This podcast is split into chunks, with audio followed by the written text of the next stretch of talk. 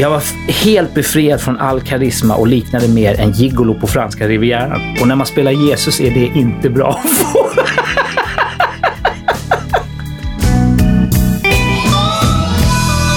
Bastusnack.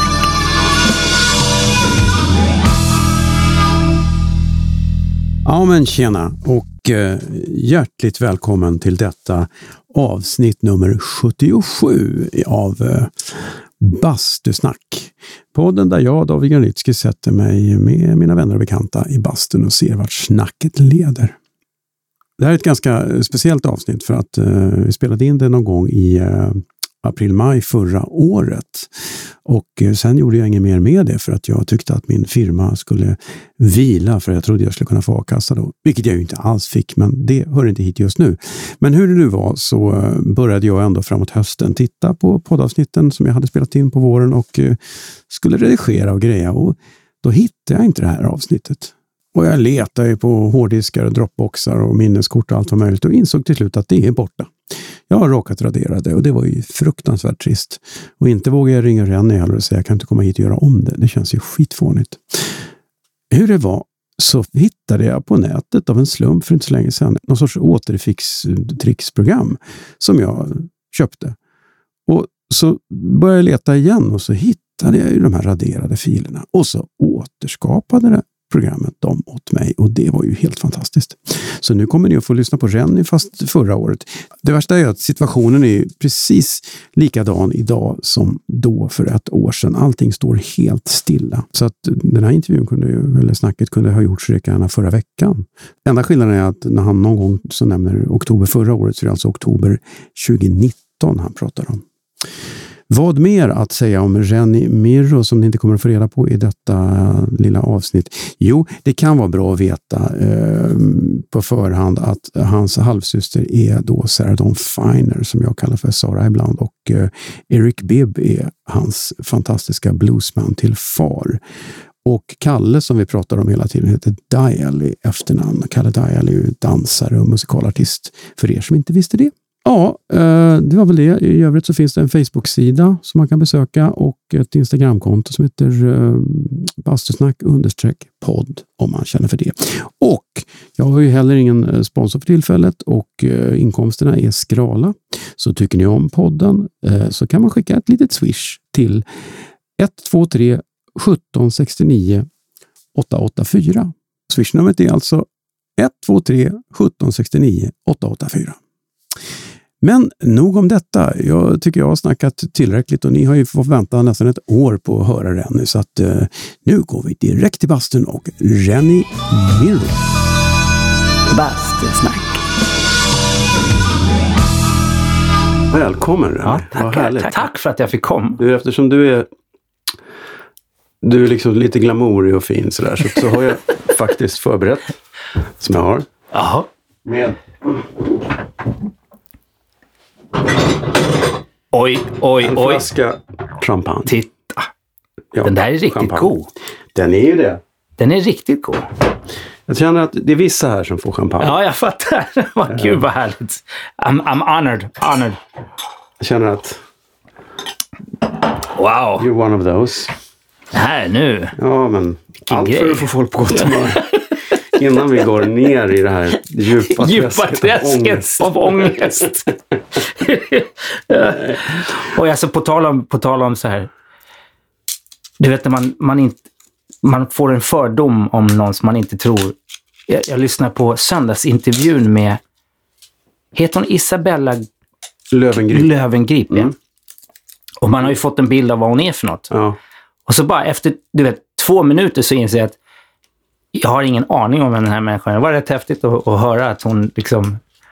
Nej, det var bara intressant att höra. Jag har aldrig lyssnat på henne, jag har aldrig följt någon blogg, men var, jag tycker om den här söndagsintervjun så jag satt och lyssnade på den. Det var intressant. Apropå jag bara, ångest. okej. Ja. Ja, på, på ångest, för det var det hon började med. Nej, jag har ju en så fruktansvärd mörker. Och man bara, Blondinbella? Ett fruktansvärt mörker. Så hon hade nog behövt lite champagne. ja, det ska hon få om, om hon, om hon dyker kommer upp. hit någon gång. Men det, det är ju så här att för att kvala in i den här den här, bast, i den här bastun, Ja. titta, här kommer. Så är det ju faktiskt så att man måste ha någon form av relation med mig. Och då menar jag inte nödvändigtvis. Som Back in the day baby, when you and me. allt titta. det där de sa om balettkillar är sant. Ja, exakt. På tal om fördomar. Tackar. Mm. Den är riktigt god den här. Mycket bra, mycket bra. Det, det skadar aldrig. Mm, då blir man glad i värmen. Nej, men apropå det. Jag brukar alltid inleda och säga, hur känner vi varandra? Det är väl, vi har ju stött på varandra mycket genom åren. Vi har aldrig egentligen suttit ner och liksom pratat Nej, sådär. nej. Och när vi väl har pratat så är mycket genom frun din. är inte det? Ja, det är det nog, men jag tror att vi går längre tillbaks än det. Ja, det gör vi nog ja. När way back till det röja 90-talet. Ja, det gör vi nog, Som ja. vi inte har så mycket minnen av kanske. Nej. Nej, det är nog Söder och... Ja, det gör vi Ja. nu, när jag börjar Ja. tänka efter. Söder och, och konstiga efterfester. Efterfest, och, ja, precis. Åh gud ja, nu Ja. börjar det hända. Vad, vad hette, var det, vems lokaler var det som hade cirkusmänniskor som hade borta på... Alltid var efterfester borta på någon utav, vad heter gatorna på Söder? Inte Bastugatan utan korsa Östgötagatan och... Ah, I alla Ja, fall, mm. jag tror att det är där Ja. ja. It could be, yes. Där börjar jag. Mm. Det är med någon av, med någon av dina första fruar. Ja. Ja. Mycket med Petra. ja, det var du som sa. ja. Nej, det roliga, det häftiga med Petra är att jag hade ju jobbat länge innan jag träffade Petra. Men i en viss sfär. Och med Petra öppnades liksom hela Stockholms kulturliv upp för mig. Mm. Jag träffade och lärde känna alltså alla genom henne. Och det har jag ofta tänkt på. Hur mycket, jag menar jag kommer ihåg bara första gången jag kom upp till hennes mamma som bodde, som bodde där i Vita bergsparken. Så sa hon, kom så går vi upp till min mamma, de har middag där. Så jag, ja, jag var lite tveksam, vi hade bara varit ihop i någon månad eller två. Och så drog vi upp och så kom vi in i köket där. Och där sitter Hasse Alfredsson, Olle Adolfsson, Monica Zetterlund, Fatima Ekman, Gösta Ekman, Monica Nilsson och såklart. Du vet, alltså jag visste inte vad fan jag skulle göra. Jag visste inte vad jag skulle ta vägen. Och eh, nu är det här så pass länge sedan så det är preskriberat. Alla var ju dyngraka. Alltså dyngraka. Du vet, Monica Zetterlunds första sak som hon sa till mig var liksom, kom och sätt dig i mitt knä nu. Och du vet, man bara, men vad fan är det som händer? vad är det som händer?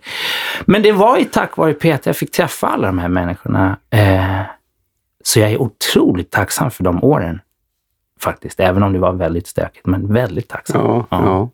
Jo, men man ska väl ha stökig tid också. Mm. Precis. Eh, Men det var, det var, jag tror att det var någonstans där i... Jo, men när hon var på, hon var på Kina då mycket va? Ja. När ni hängde. Mm. Mm. Micke Wallmans som hade allt då. Mm. Mm. Ta förresten. det Första delen. Ja, tack, tack, tack. Det här är ju hallon och blåbär. Ja. Nej, jag tänker, jag, jag, apropå fördomar, jag ser ju dig som någon sorts här hälsokille. Ja, Eller är, är, Det är- det, är du lik Blondinbella? Är det bara en fasad? det är en fasad. Nej, så här är det. Den träningen, i och med att jag är uppväxt. Jag är ju... Eh, jag har alltid haft ett enormt fysiskt behov. Eh, det har varit lättare för mig att uttrycka vad jag känner när jag rör på mig. Eh, det blir inte så komplicerat och jag krånglar inte till det och jag... Utan det blir liksom mer rakt på sak, så jag har kunnat handskas med det bättre. Så jag har alltid rört mig. Men så det har blivit mer en, liksom, en nödvändighet för att jag ska fungera. Alltså jag mår så mycket bättre när jag är fysisk. Men sen är, men jag är ingen rehabiliteringsmänniska på något sätt. Jag, jag, jag, jag, eh, jag, tycker, jag har tyckt om, fram till något år sedan, så har jag tyckt om att det har kunnat gå att kombinera djävulskapen med renhetsgörat. eh, nu dessvärre så märker jag, för nu börjar jag närma mig 50 med språngsteg. Och eh, det går inte på samma sätt. Nej, men det händer något. Ja, det händer någonting. Det är helt absurt. Alltså, det går inte. Ja. Och framförallt så på den nivån jag tycker om att kunna vara fysisk. Eh, min återhämtning den funkar inte om jag inte verkligen försöker ta hand om mig ordentligt. Liksom. Mm. Så att, eh, Så, att, men nej, någon ren... Jag kommer ju Nej, det var- dessutom... jag tror Sara sa det någon Ja, gång. exakt. Att hennes, deras jular så har ju folk flera olika relig- religioner och olika mat, eh, vad ska vi kalla det, matkulturer och allt möjligt. Ja. Utom du som är, är den enda som inte har någonting där. Nej, jag gick på ordentligt Ja, det, med det som vi kallar för en Svensson-jul. det var mitt, liksom. Det var det jag slogs för. Men ni, ni kombinerar det ändå? Att, ni kör varsin? Ja, det har varit, men det har varit rätt kaosartat, kan jag säga. Just jularna har varit lite knepiga, men nu tycker jag vi ändå... Sen, sen alla vi syskon fick barn, så har liksom... Så tycker jag att det blev lättare, Mm. ärligt talat. Det blev mer fokus på dem och mindre Ja. på oss. Det, det, är det, det är det helt enkelt. Så att det vart inte så viktigt vad som stod på För ni är bordet. ju skitmånga syskon. Alltså, Ja. jag försöker räkna, vad är det, är ni sju totalt? Mm, jag har... Ja, sju har jag. Precis. Sju stycken. Ja. Eh, fem på pappas sida och två på mammas sida. Eh, där jag är äldst på båda sidorna. Mm. Oh. Eh, ja, Oh, vilken press. vilken, ja, verkligen. Nej, men jag har, gjort, jag har gjort så gott jag kunnat för att hålla ihop alla. Och det har varit... Det för mig, jag, jag har sett det som liksom den bästa pensionsförsäkringen jag har. Mm. att försöka få ihop syskonen. För det är liksom min länk till både framåt och bakåt, så att säga. Och så har jag försökt att göra mig ovärderlig för dem. För att det är härligt att känna Mm. så. Du har ju en väldigt skön uppväxt eh, och kanske oskön också, men just det här att man, man börjar här i lugna Sverige och sen så landar du i, i New York. Va? Ja. Och Hur gammal var du då? Ehm, enligt mig Oh. så var jag någonstans... Jag måste ha varit två, ett och ett halvt, två någonting. Mm. Ehm, när vi kom dit. Eh, Alltså grejen är att det var nog inte, det är kortare än vad jag alltid har trott. Men de åren var så eh, viktiga för mig. För att jag tror att det var där jag kom till medvetande. Jag, bör, jag har ju minnen. Mm. Det var då mina minnen började dyka upp. Och det var ju också hela den familjen eh, med min farmor framförallt i spetsen var ju så otroligt viktig för att min mamma var ju ensamstående så hon tog hjälp av både sin syster och min farmor framförallt som bodde runt hörnet från oss. Så jag var hos dem mycket medan min mamma försökte reda ut vad hon skulle göra framåt i livet och vad hon skulle bli. Hon utbildade sig, hon vidareutbildade sig. Och, och då var det mycket tid jag var hos min farmor och min moster. Men det är ju rätt cool ändå att om, även om du inte växte upp med din farsa så var din farmor där ändå. Ja. Nej, det var ju, alltså min mamma, ja gud ja. Min mamma och min farmor var bästa vänner. Ja, häftigt. Fram till den dagen Ja. min farmor gick bort. Ja. Och det var ju så här, jag tror att min mamma har alltid sagt, min farmor tog in henne vid något tillfälle och så sa hon så här är det, eh, jag älskar ju min son över allt annat. Så att vi pratar inte om honom bara. Och sen så löste de det så, för att de hade så otroligt Mm. mycket gemensamt utöver min pappa. Liksom. Men han jävligt stressad av det. Det skulle Nej, jag ja, bli. precis, nej, men grej, jag vet inte. Min pappa har sån fan, fantastisk förmåga att liksom kunna ha alla i ett rum. Han har ändå varit gift, jag vet inte hur många gånger. Och han är liksom bra polare. Om inte annat så försöker han hålla en bra vänskap med dem alla. Sen att det kanske får gå lite tid emellan. Jo, Det är, men han har verkligen, han, han har ett enormt hjärta min pappa. Och så han har liksom och sen så får man ju säga med min mamma i spetsen att de har haft ett jävla tålamod. Han är inte helt Så, lätt, men han är... Bor han i Sverige nu? Ja, han bor utanför Nyköping. Ja.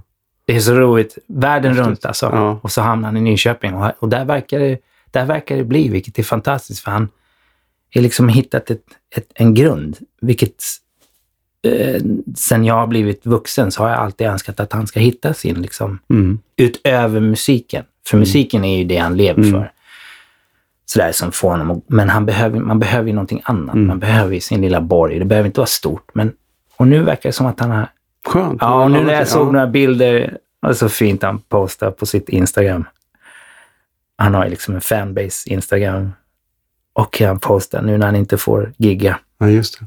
Var han ute och satte potatis. Du vet, jag blev alldeles varm. Så han står i sin blueshatt, snygg kavaj, men snickarbrallor istället. Och så sätter han potatis. Men han är så skön, för han tillhör de här som man som kommer undan med det där. Ja, Om jag går ut med en sån hatt skulle bara garva. jag vet, nej. Men han är bara, hej, ja. ja. bluesman. Ja, han är här- liksom helt, Ja, han gud, är liksom en ja, gudabenådad bluesman. Om, om ni inte har lyssnat på, på Eric Bibb så gör det. Ja. Gör det. Mm. det.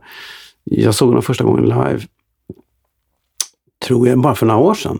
Ehm, jag tror det var Sara som gjorde något Mm. på, på Rival. ja, just det. Just där, där du var med och gästade Ja, också. va? Ja, det var han med och gästade och så insåg man att men den här mannen är ju sanslös. Ja, han är... Sen har jag kollat in honom lite mer. Eh, också. Han är, han är skitbra. Gjordes det inte någon film om honom? Jo, vi gjorde en... Jag och min kollega Filip Ja. Adam producerade en föreställning som sen spelades in för SVT. Som sändes inte alls länge sedan. ja. och den var, det var riktigt kul att få honom utanför det han vanligtvis kanske Mm. gör. Men ändå i sin genre så att säga. Mm. Men, eh, och det var, det, var, det var roligt därför att jag, jag sa till honom, fan, vi, vi måste göra en föreställning därför att dina mellansnack är så bra. Till dina låtar, hur Mm. du lägger upp liksom, en låt. Och eh, så sa han, nej det kan jag inte göra. men så, men det, det är det du gör liksom. Nej, det är inte samma sak.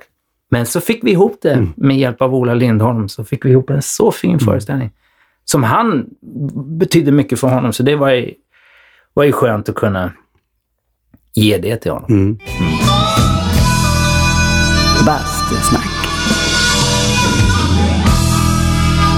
Har, du någon, eh, har du några connections fortfarande i New York? Ja, vi har ju större delen av familjen där. Nu är det, det är lite roligt. De flesta har ju flyttat ut. Jag bodde ju alltid hos min farmor, hos min moster och mina kusiner runt om på Manhattan. Det började med att, och mina, min fast, mina fastrar, de flyttade ut ur stan och sen flyttade mina kusiner ut och sen min moster flyttade ut. Farmor vägrade. Hon sa liksom, I came here in the late 40s and I'm not moving. Så hon var kvar till, till den dagen hon gick bort. Men var klart i New York är det? Är det Upper West Side. Okej, ja. Eh, men nu är det, så flyttade alla de ut liksom. Och nu börjar deras barn, mina kusiners barn, de har börjat flytta tillbaka.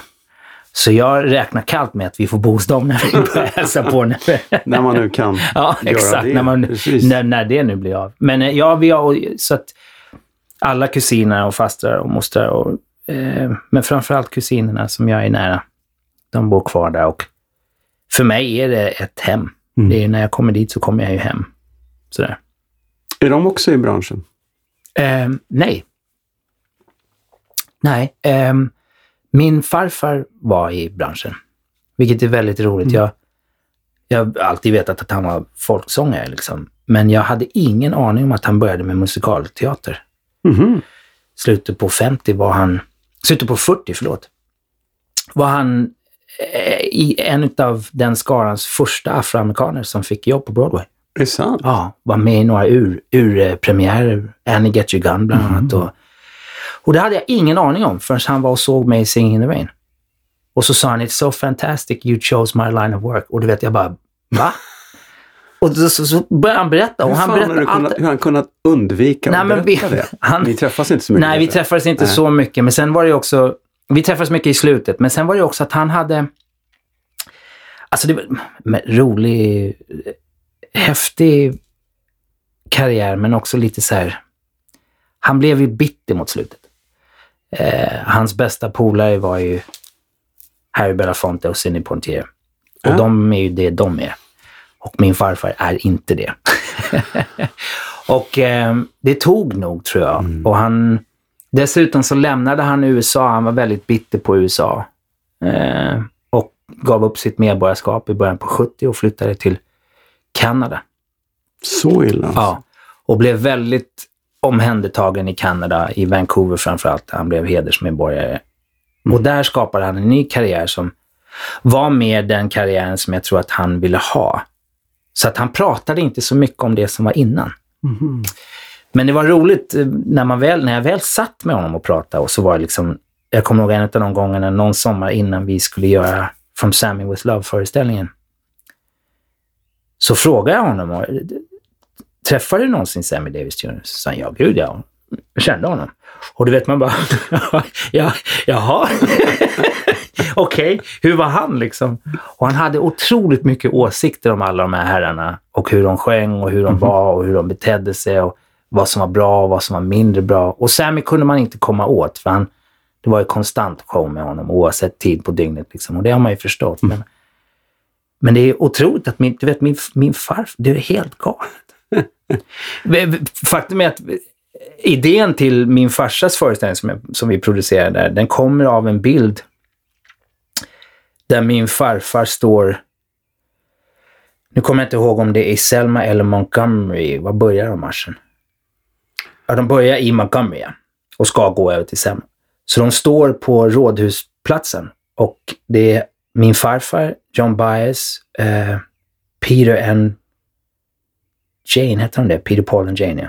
Ma- Peter Paul and Mary. Mary, förlåt. Ja, mm. Och, eh, och, och, eh, och, och liksom Martin Luther King. Och min farfar står och du vet, jag bara... Eh, och så, det var där vi fick... För att min pappa växte upp med Mm. de människorna. Ehm, men det har liksom... Det var, men jag tror... Jag, det är svårt att förstå, speciellt för mig som har växt upp här i Sverige, men jag, man fattar ju vilka är Mm. den tiden stod för. Och jag förstår ju så här i efterhand varför han kanske inte tyckte det var så jävla kul att prata om talat. Nej. Men det är ju helt galet. Men han började med Ja. musikteater i alla fall. Fräckt. Ja. Fräckt.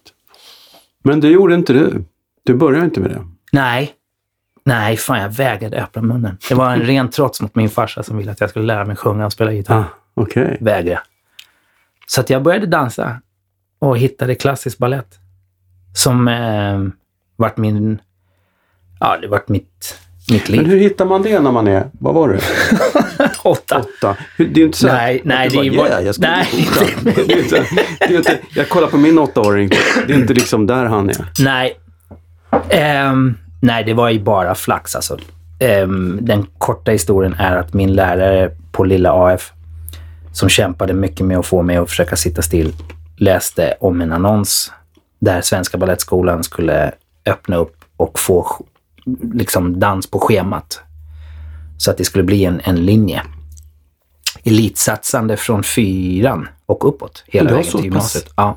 Sent alltså ändå. ja, från fyran. Som, det, nej men alltså, som man startade det. Ja, 81 startade den skolan. För innan dess så var Kungliga Svenska Balettskolan låg ju i anslutning till Operan Ja. i Stockholm och där så tog man ju klasser efter vanlig Jaha. skolgång. Så att från fyra till åtta hade de sin dagliga träning. Och nu skulle de inkorporera det här för första gången i ett, i ett schema. Och det är ju ett otroligt jobb av bland annat rektorn Gösta Svalberg eh, på den tiden som kämpade för det här. För det var ju liksom ingen självklarhet att de skulle satsa på...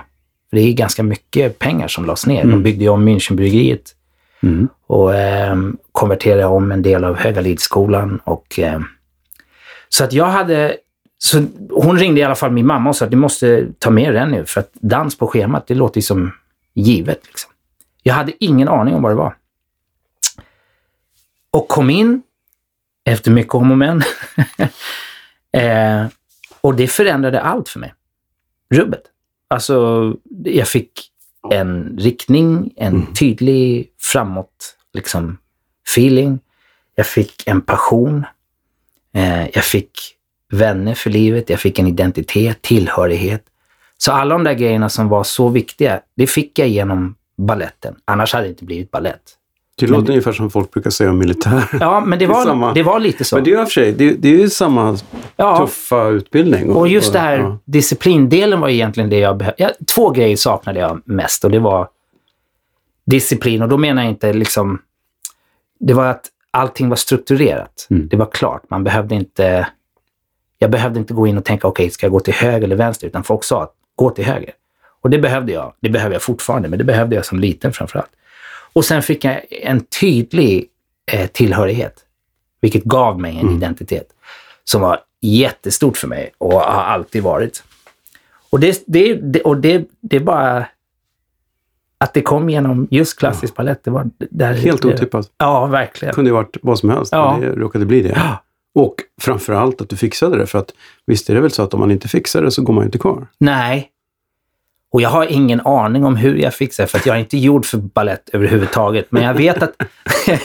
och det är så här, men däremot, att ut, just det här uttrycka mig, Mhm. det kunde jag. Och det kunde jag redan då, eh, tror jag. Så att jag tror att även om jag kanske inte uppfyllde de fysiska kriterierna till 100 procent så såg de att det här att uttrycka någonting, eh, men det, det kände att jag hade. Mm. Jag hade ett enormt självförtroende att gå in på scen och hade aldrig några problem med just den grejen. Sen att det kunde gå åt helvete, det gjorde det ofta, Jo, men jag hade fortfarande inga problem med att gå in.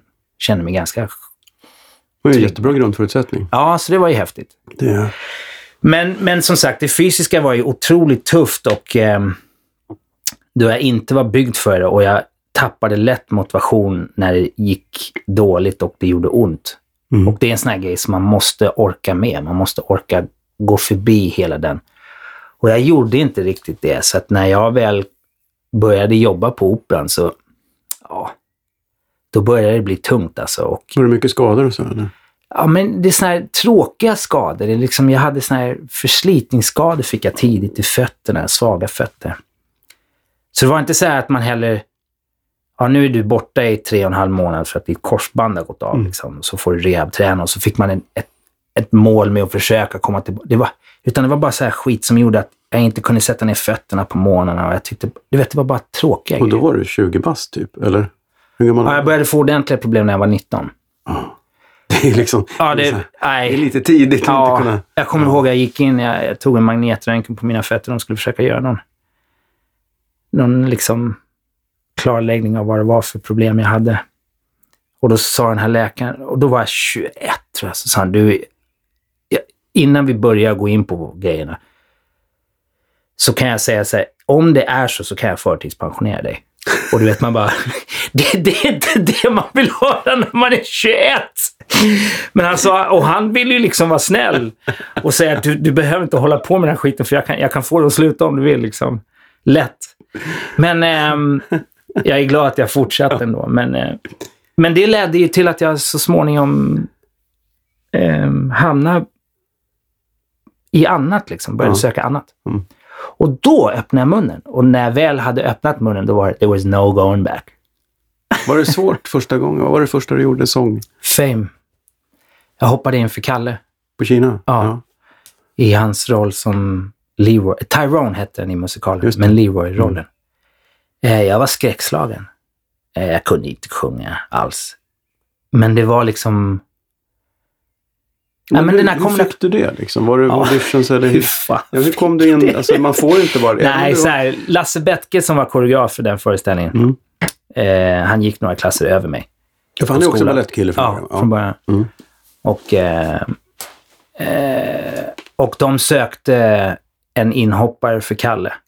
Och det var inte lätt, liksom, för Kalle är ju i en klass för sig. Och dessutom så ville de ha någon som var mörk, liksom. I och med att rollen på något sätt krävde det. Och även, jag, till och med jag är lite gränsfall där. Men, men det funkade och då kom Lasse på mig. Vad fan, Rennie som är på Operan. Dansmässigt vet jag att det kommer inte vara något problem. Liksom. Men jag har aldrig hört honom sjunga. Så då tog de dit mig, så kommer jag ihåg att jag gick upp, marimbade uppe i, högst upp på Kinateatern. Så satt Janne Radesjö där. Det här är alltså 91. Shit alltså. Ja, 91. Och så sa han, kan du några låtar? Har du tagit med några låtar? Jag hade ingen aning om vad han pratade om. Jag bara, nej. Kan du någon låt? Nej. Janne bara, kan du Summertime? Jag bara, ja den kan jag. Så vi sjöng Summertime några gånger, kommer jag ihåg, i olika, olika tonarter. Och så satt vi och pratade och sen så bara, vad har du för relation? Jag kommer inte ihåg om han visste eller om jag berättade då, men då sa jag bland annat att när min pappa är sångare, sa jag att han heter Erik Bibb. Och då sa Janne, ja men då så. För han visste vem Erik var. Så då, då sa han, nej men med lite jobb så ska han nog kunna fixa det. Och så fick jag göra det. Men det är kul att du säger Summertime. Alltså, de, jag har suttit på några audition, auditions genom åren och sett folk söka Ja. saker. Och varje, någon, varje gång någon kommer in och ska göra Summertime så tänker jag, dåligt val.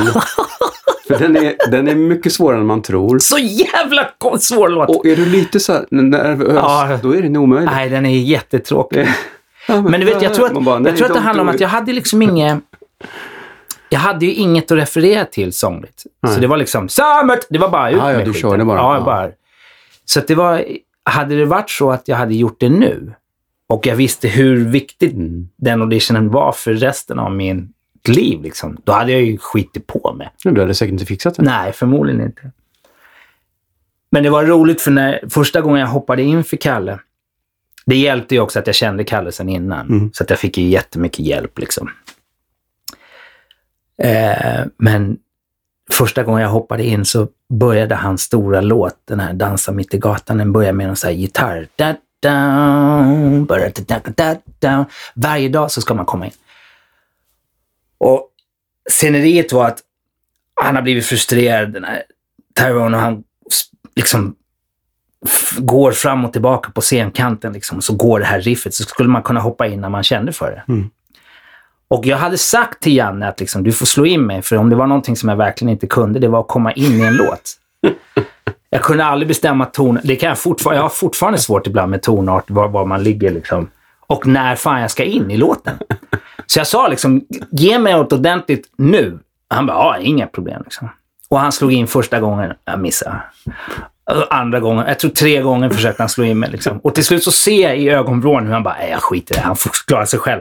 Och den inspelning jag har av det, då har man, där, där, varje dag så bara börjar jag. Så får liksom hela bandet, de får liksom hämta upp och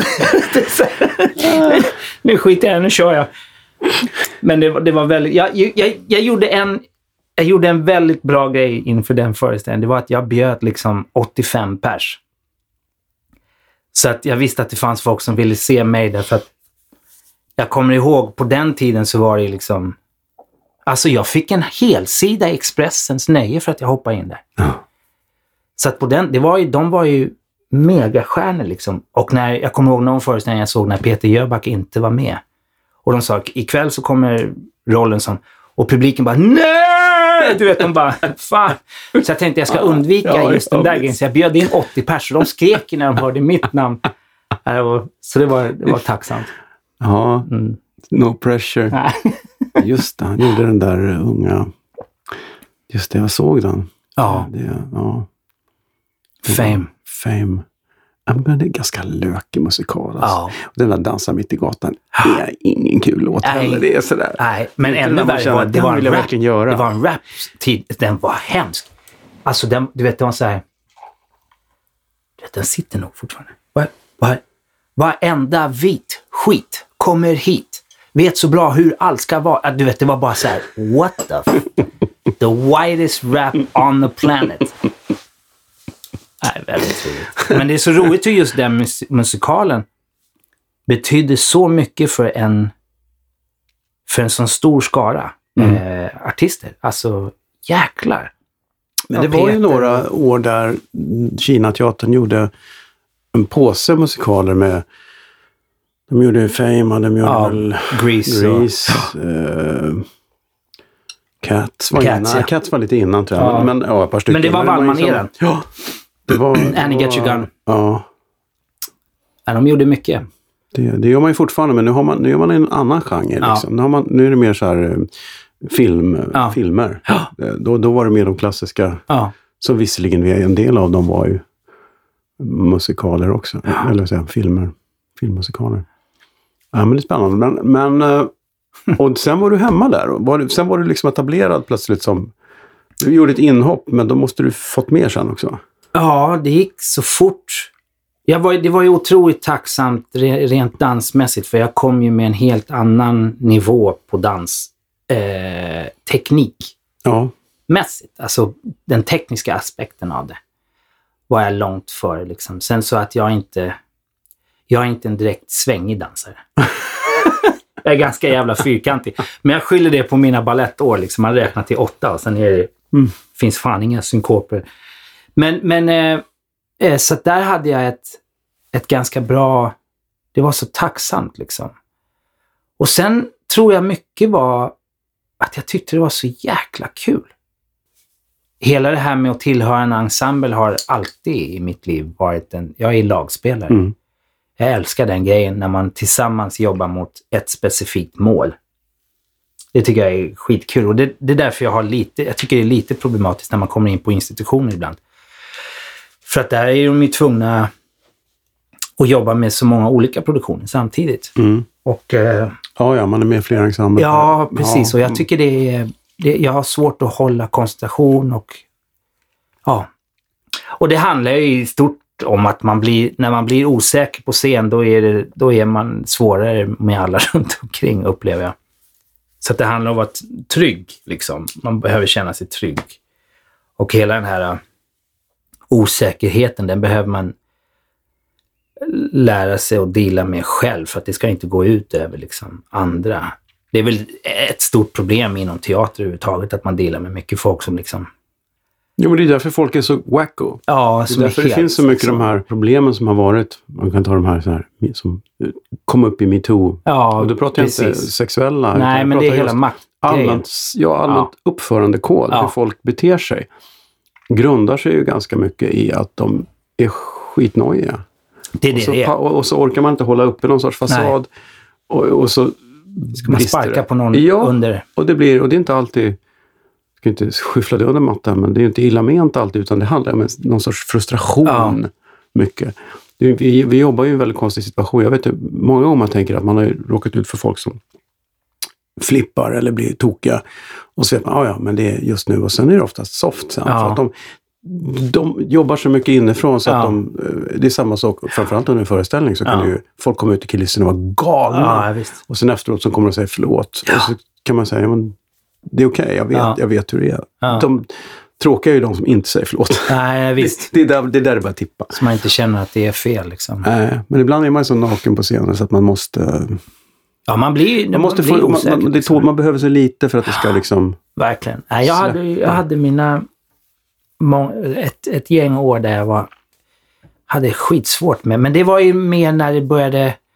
När jag började göra större roller och prestationen. Jag har alltid haft svårt med det här med att prestera. Eh, det sätter an en sån jäkla...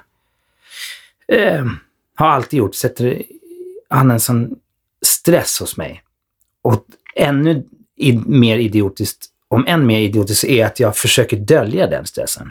För att det är på något sätt något tecken på svaghet att man skulle känna stress istället för att bara vara stressad. För att då tror jag att mycket av den spänningen hade släppt. Mm.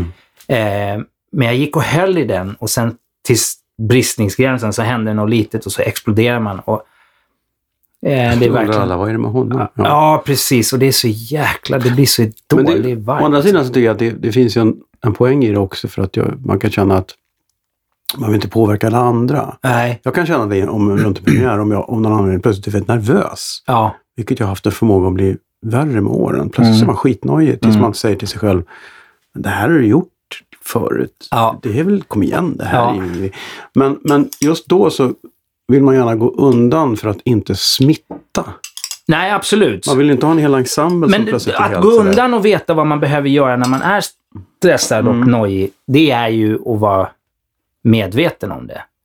Men att låtsas som att det inte är, Nej, nej, okej. då är man ju bara, då är det bara korkat. Ja. Liksom. Det är tre minuter kvar i läget. Ja, det är skitbra. Allt är toppen liksom. Och inombords håller man på att gå sönder. Liksom. Men det var, det, var, det var jävligt roligt.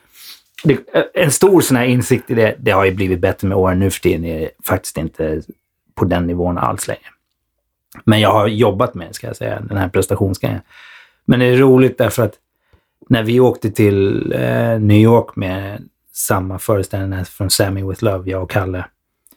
Och det var liksom, ja, det var det största jag har gjort. Att få åka dit och hela min släkt var där. Och, och första gången jag uppträdde på engelska, pratade engelska på scen. Och de, de nerverna går liksom, jag kan inte ens, jag vet inte ens hur man sätter ord på dem för att det var hemskt liksom. Det var en sån jävla panik alltså. Eh, Plötsligt blir det på riktigt. Ja, och så står man där och så gjorde man det som jag alltid har drömt om. Och det, och det gick skitbra, tror jag. Jag kommer inte ihåg så mycket, men vi, det vet, det var en fantastisk upplevelse. där på den teatern. Och Ja, hela- det var hela grejen var helt overklig. Men det gick bra. Ja, det gick bra.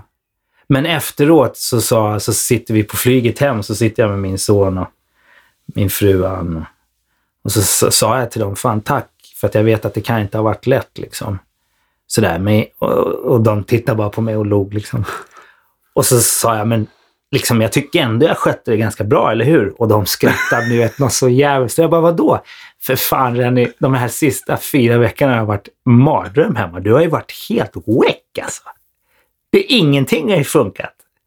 Är det sant? Och jag, du vet, jag var inte ens medveten om att det var så illa. Och min son han bara, men alltså det har inte gått att prata med dig om något.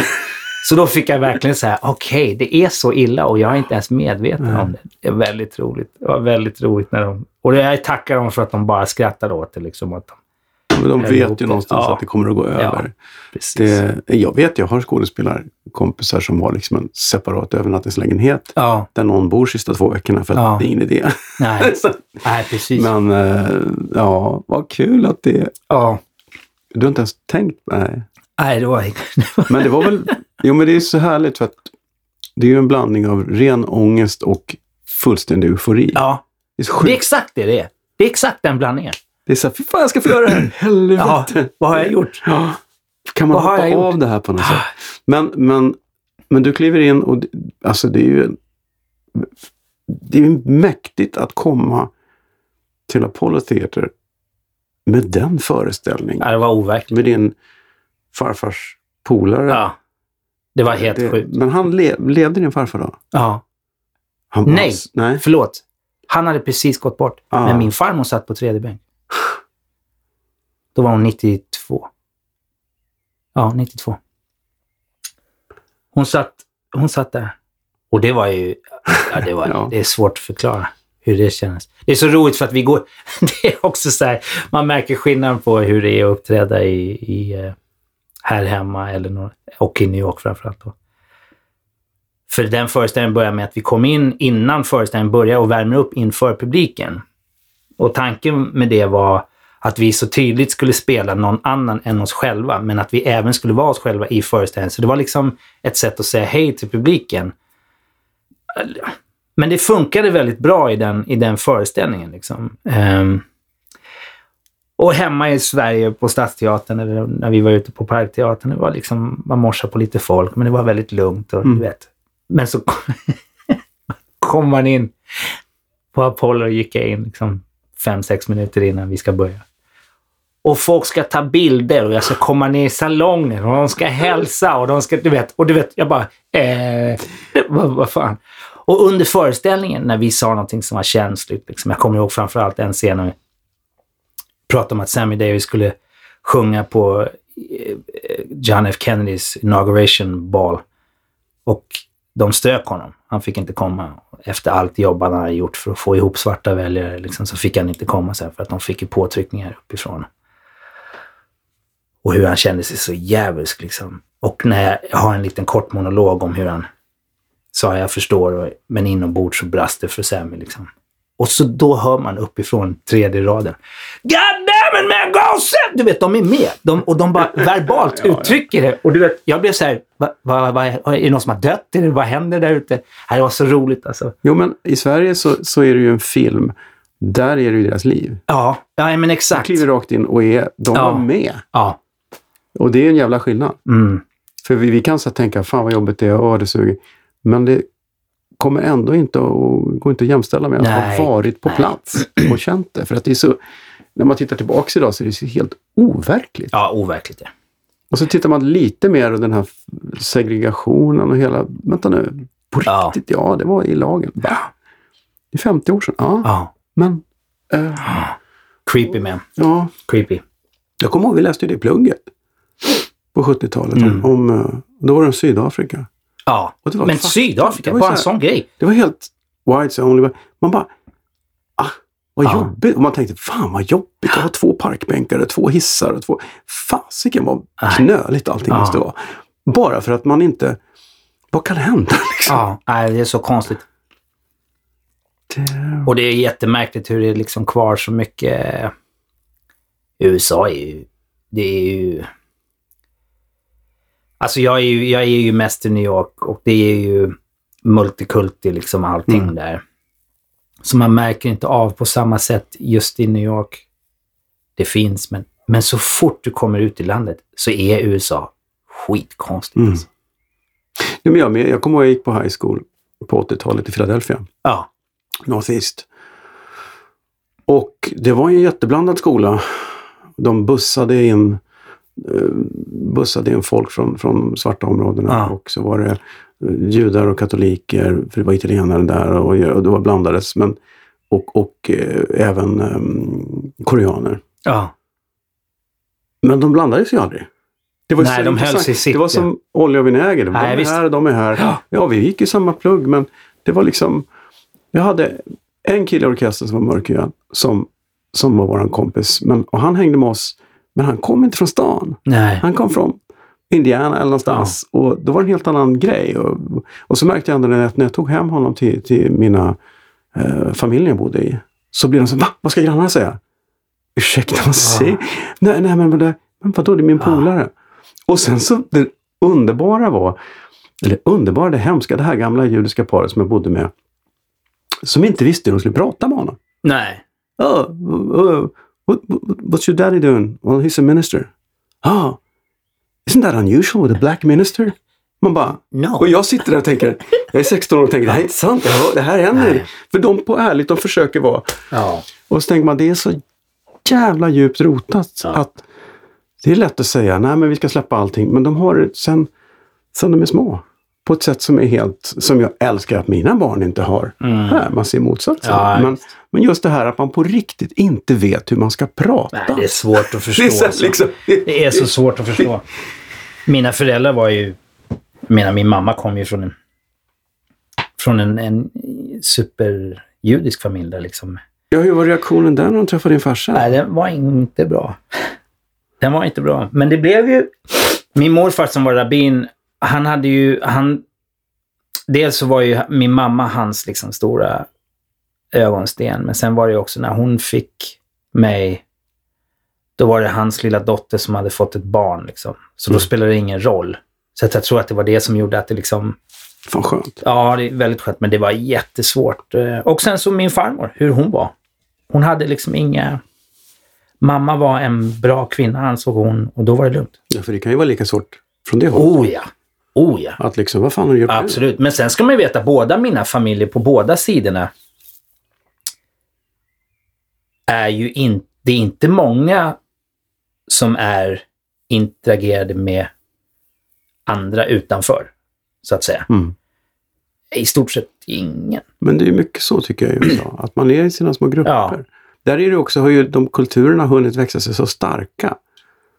Liksom den judiska Ja. kulturen, Lower East Side, Woody Ja. Allen-grejen. Den finns ju inte här till exempel. Nej, på det sättet, inte på även om det. det finns en, en, en viss... Men inte på, in, in, inte på det sättet. Nej. Men jag menar, det är ju... Jag tycker det är roligt när man är liksom... Ja, de har träffat... Min kusin har träffat en man liksom. Och jag vet exakt hur den mannen är och hur han ser ut innan jag träffar honom. Och det var verkligen så. Och det, det, alltså, det är charmigt, och, men sen är det också lite, lite så här sorgligt. Mm.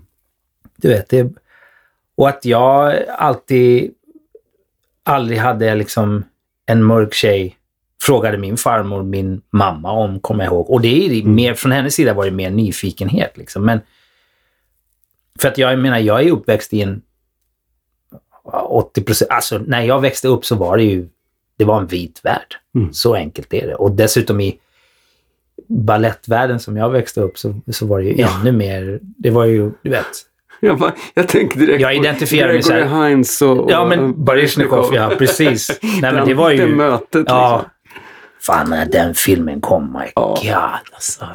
Vilken grej Ja, men det var. jag var helt knäckt. Ja, var, men vilket geni alltså, Mm. Gregory Hines. Mm. Jag såg honom live. Mm. Thank, thank God. jag såg Baryshnikov live Ja, i Philadelphia. Han var där med, vad det hette, Russian Ballet Ja. Company. eller ja jag det var helt... Ja, och det, då var enda gången han tyckte att han... Att, är, det, är det liner eller någonting? För han, sitter, han svävar ju. ja, Han hänger, i, han hänger i luften. Det är så här, det är han och Michael Jordan. ja, det är så här, vad Ja. vad där? Ja, hur går det till? Ja. Aldrig fattat heller. Nej. Shit alltså. Och dessutom partajar han rätt mycket har jag hört.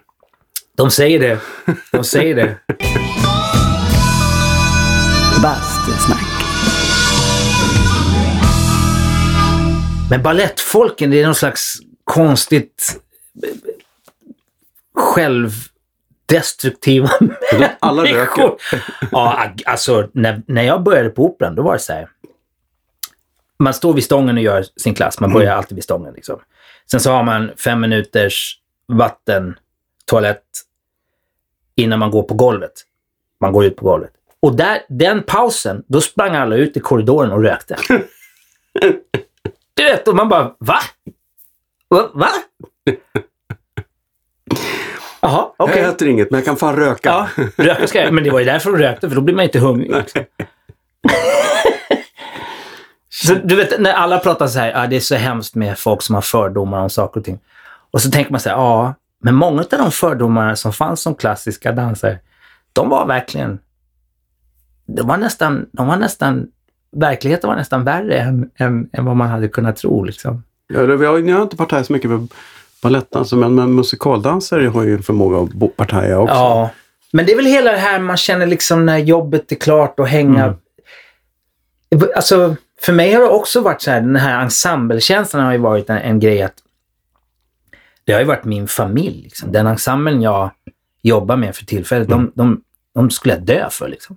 Fastän några av dem, de flesta av dem, kommer jag förmodligen aldrig ha någon speciell annan relation än kollega till det efter blir något produktionen. magiskt. Men under Ja, tiden man mm. är där, då är det liksom, det är de man, man, man lever och dör med. Liksom.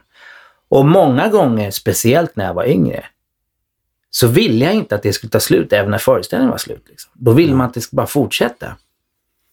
Så, och var man dessutom iväg på, på turné, då, alltså vissa av turnéerna på, på Operan, det var ju jävla sommarkollo. Det var ju fullständigt absurt alltså. Folk är liksom bananas. Mm.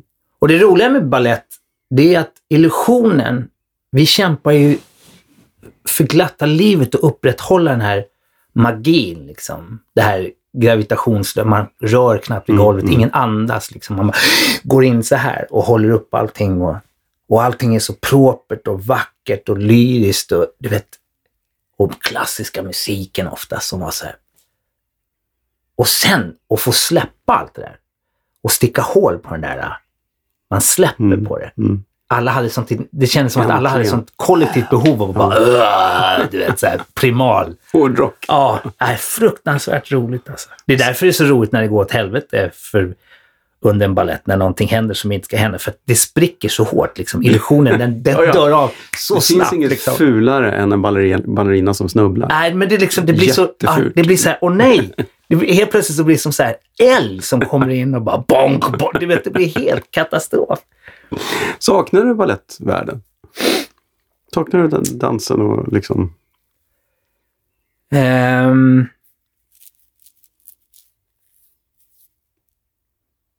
Nej, jag kan förundras mycket över, jag tycker det är fortfarande otroligt när jag ser vissa eh, dansare, vad de kan göra med sina kroppar och hur de uttrycker sig. Jag tycker det är fantastiskt. Och jag, jag kan sakna att jag aldrig riktigt nådde dit jag ville med dansen. Jag kom inte riktigt dit. Jag orkade liksom inte över mållinjen så att säga. Och även om jag inte ens hade tagit mig dit jag ville så hade det varit skönt att känna att jag verkligen gav allt för att ta mig dit och sen så kanske det inte funkar. Men det kan jag sakna, att jag inte gjorde det. Men ut, själva världen i sig, jag saknar liksom den tiden med de människorna på operahuset. Det var en otrolig tid. Jag, jag växte upp där. Liksom. Jag, jag lärde mig allting av de människorna. Och, ehm, det var en enorm liksom, Ja, det var fantastiskt roligt de där första åren. Men var du i 80. den bubblan då? Alltså att man är bara med dem, eller gick du Nej, jag var på andra helt... ställen också och kollade? Det var det som var så spejsat när jag, när jag gick över till Kinateatern på andra sidan Ja. Kungsträdgården. Och träffade alla de här dansarna som var jämngamla med mig. Mm. Och jag hade aldrig sett dem. Och du vet, Nej. Stockholms dansvärld, det är ju Mm. en handfull människor. Jag hade aldrig sett dem. Och jag, jag bara, hur länge har du dansat? Hela mitt liv. Och jag bara, men hur kan jag aldrig ha sett dig?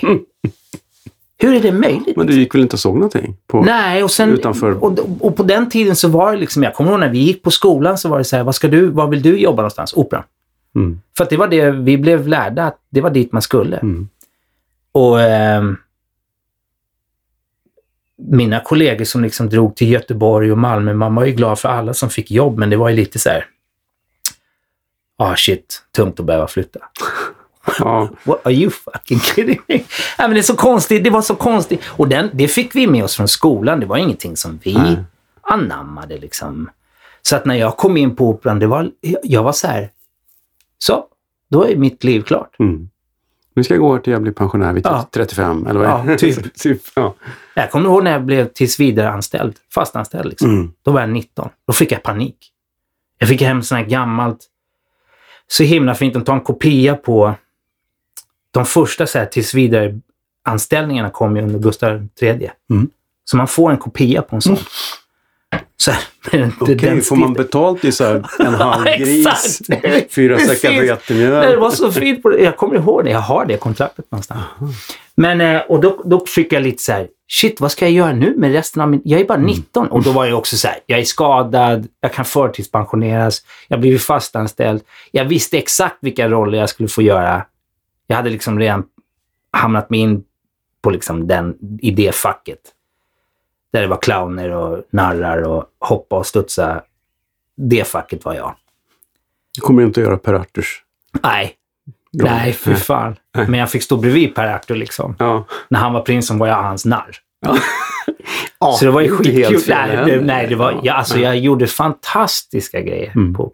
Och växa upp där, det var så stort. Liksom. Och jag växte verkligen upp. Jag kommer ihåg när jag började där, eftersom vi var ju med i föreställningar hela vägen i skolgången, så var det ju... Jag kände ju till operans alla korridorer Mm. liksom, lika väl som jag kunde hemma. Liksom. Det blir ju som ett hem. Ju... Ja, så att för mig när skolan slutade och jag skulle börja ta ansvar för mig själv, jag fattade Mm. ju inte skillnaden. Så efter tre månader kommer jag ihåg att Ni- Nils-Åke Häggbom som var chef, min första chef, han tog upp mig på kontoret och sa så här är det Renny. Jag var alltså 17 då tror jag.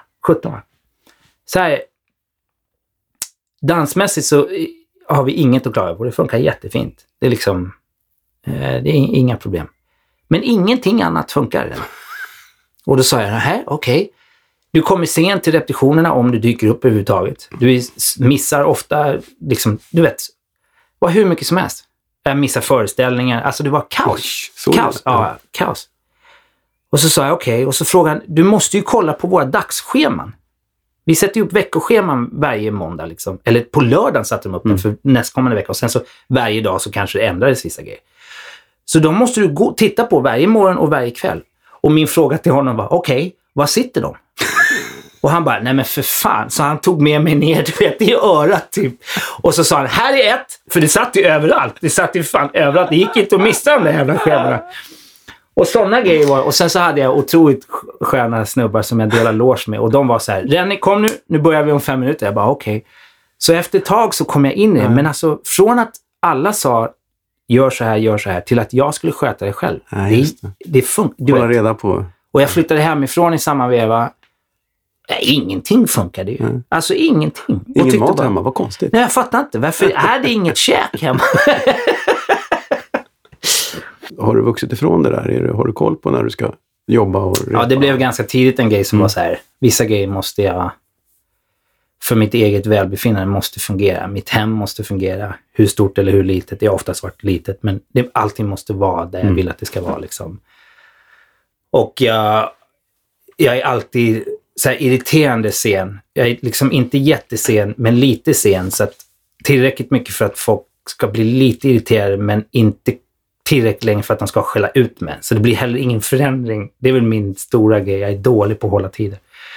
Det har inte blivit sådär som, som, som folk gör ibland, att de säger åt dig kom en halvtimme innan de säger Ja, nej, det har inte... Kom nej, halv nio så Nej, säger man precis. Nej, alla. för att jag är inte känd för det. Nej. Om Nej, du, om du, du vet, det, det, det, har aldrig Först gått nu. över. Först nu, nu. ja. Nej, precis.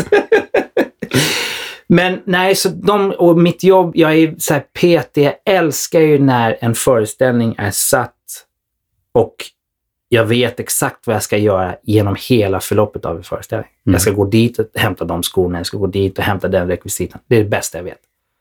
Det tycker jag är skitmysigt. Det är rätt roligt. Jag har alltid velat se under en föreställning ovanifrån på en teater. Ja, för att se allas banor. Mm. För att jag lovar att de är exakt likadana under samma föreställning. Liksom. Det är klart de är. Ja. Och det skulle vara häftigt att se hur det funkar. För alla hittar ju, och det är, det är så små marginaler Mm. ibland. Liksom. Och alla hittar exakt sin timing. Sådär. Mm. Den, den grejen kan jag fascineras av otroligt mycket. Men är du sådär, du har jobbat så mycket med Kalle eh, och jag har inte jobbat med Kalle på apa länge. Mm. 90-talet någon gång och då minns jag av honom ehm, att han var liksom aldrig riktigt nöjd. Han klev av scenen och, tyckte, och det var helt fantastiskt. Och så kände jag, ah, har du, den, har, du, har du den smittan också? För jag tänker, ni två tillsammans måste vara fullkomligt hopplöst i så fall. Var det bra idag? Nah. Vi har lärt oss... Jag vågar säga tillsammans, jag och Kalle. Jag vet inte om jag har kommit... Att vi har två olika syn på grejer, men själva helheten är samma tänk. Det är att min upplevelse på scen kommer aldrig vara det som går ut. Aldrig. Nej. Publiken... Alltså man är jävligt självcentrerad om man tror att allt det jag kände är det de fick med sig. Då, då fattar man inte mycket av det som händer runt omkring. Liksom. Så att vi har peppat varandra av att kunna ta komplimanger oavsett hur vi tycker det har gått. det är ju en konst. Ja, Vad bra. för att det, och, det, och det har verkligen varit, det har varit jätteskönt. För att när någon tar sig tid att komma fram och säga tusen tack, det var helt fantastiskt. Det kan ju inte vara kul om den som man säger det till tittar på en och säger ja, ja, jag vet inte, jag tyckte det gick ganska dåligt. Det är, fan, det, det är skittråkigt. Det vet jag själv när jag har tackat. Ja, men det är, det är inte helt ovanligt. Nej, För att folk, eh, jaha, var du här ikväll? ja, exakt. Istället för att Och så säga, har man kommit och tyckt det var jättebra. Ja. Ja, synd att du inte var här Ja. vad fan. Så att, och den grejen, den har, vi, den har vi peppat varandra. Det vet jag hur vi liksom har Mm. kämpat med och hur bra vi mår av att Ja, få ta kunna ta det. till sig en Ja. komplimang. Speciellt de kvällarna där man tycker det har varit dåligt. Om jag har problem med prestation så vågar jag nästan säga att Kalle är 12 resor värre. Mm. Han är väldigt liksom... Alltså nu är inte Kalle här, men jag, jag har ju ett Kalle-minne från när vi gjorde um, Musical Express. Ja. Way, Ja. way back. Efter föreställningen kommer man in i logen och alla bara, här är folk, sitter där och tar en macka och så. så fan, Kalle? Han är inte där. så går jag ut och letar. Då ligger han i kulissen avsvimmad. Ja. Han har kört, han, han, det var allt han hade. Mm. Sen låg han där och sen, sen blev allting bra. Det Ja. var inget fel på honom. Han var bara helt... Helt slut. Och det är inte många...